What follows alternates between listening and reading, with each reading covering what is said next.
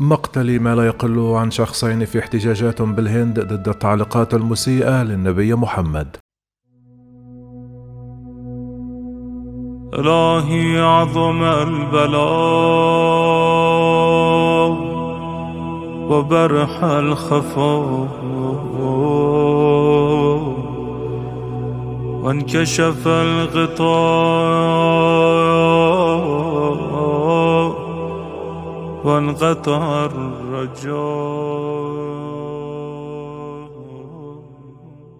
قتلت الشرطة الهندية بالرصاص اثنين من المتظاهرين يوم الجمعة خلال احتجاجات في الشوارع. في جميع أنحاء البلاد أثارتها تصريحات مسؤول في الحزب الحاكم بشأن الرسول محمد صلى الله عليه وسلم حسبما صرح ضابط لوكالة فرانس بريس يوم السبت. قال ضابط الشرطة من مدينة رانشي بشرق البلاد لوكالة فرانس بريس طالبا عدم ذكر اسمه لأنه غير مخول بالتحدث لوسائل الإعلام. أجبرت الشرطة على فتح النيران لتفريق المتظاهرين وأصيب بعضهم بالرصاص مما أسفر عن مقتل اثنين. كانت وكالة رويترز أفادت في وقت سابق أن الشرطة واجهت حشودا رشقوها بالحجارة في مدينتين هنديتين على الأقل يوم الجمعة حيث احتجت حشود في العديد من المناطق بالبلاد على تصريحات مسيئة للنبي محمد أدلى بها عضوان سابقان في الحزب الحاكم. واجهت حكومة رئيس الوزراء الهندي ردود فعل عنيفة من المسلمين في الداخل والخارج بما في ذلك من عدد من الدول الخليج بعد أن علق مسؤولان من حزب بهارتيا جانتا في أواخر مايو وأوائل هذا الشهر عن الحياة الخاصة للنبي محمد.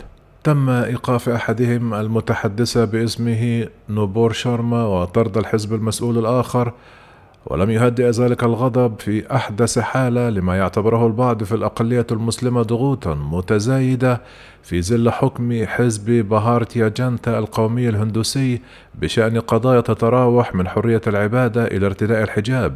كما أظهرت لقطات مصورة التقطتها وكالة رويترز في مدينة براياغراغ بولاية أوتار براديش في الهند قيام شرطة مكافحة الشغب باستخدام الغاز وإطلاق الغاز المسيل للدموع على الحشود يوم الجمعة في شارع مليء بالطوب والحجارة المكسورة.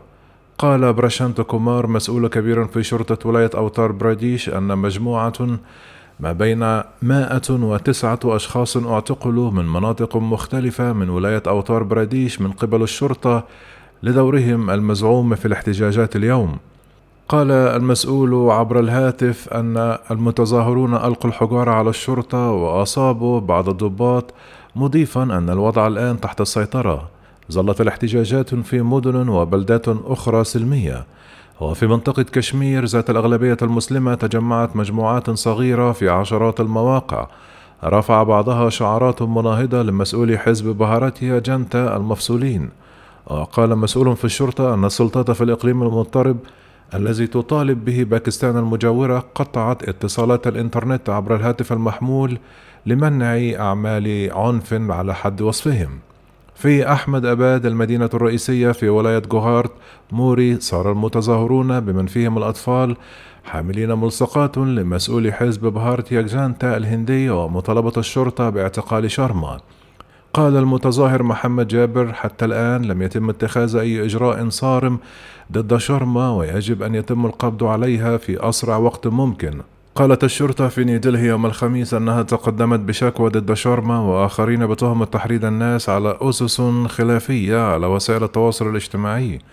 كما أصدر حزب بهاراتيا جانتا تعليمات للمسؤولين بتوخي الحظر الشديد عند الحديث عن الدين على المنابر العامة وقال إنه لا يروج لإهانات ضد أي طائفة أو دين.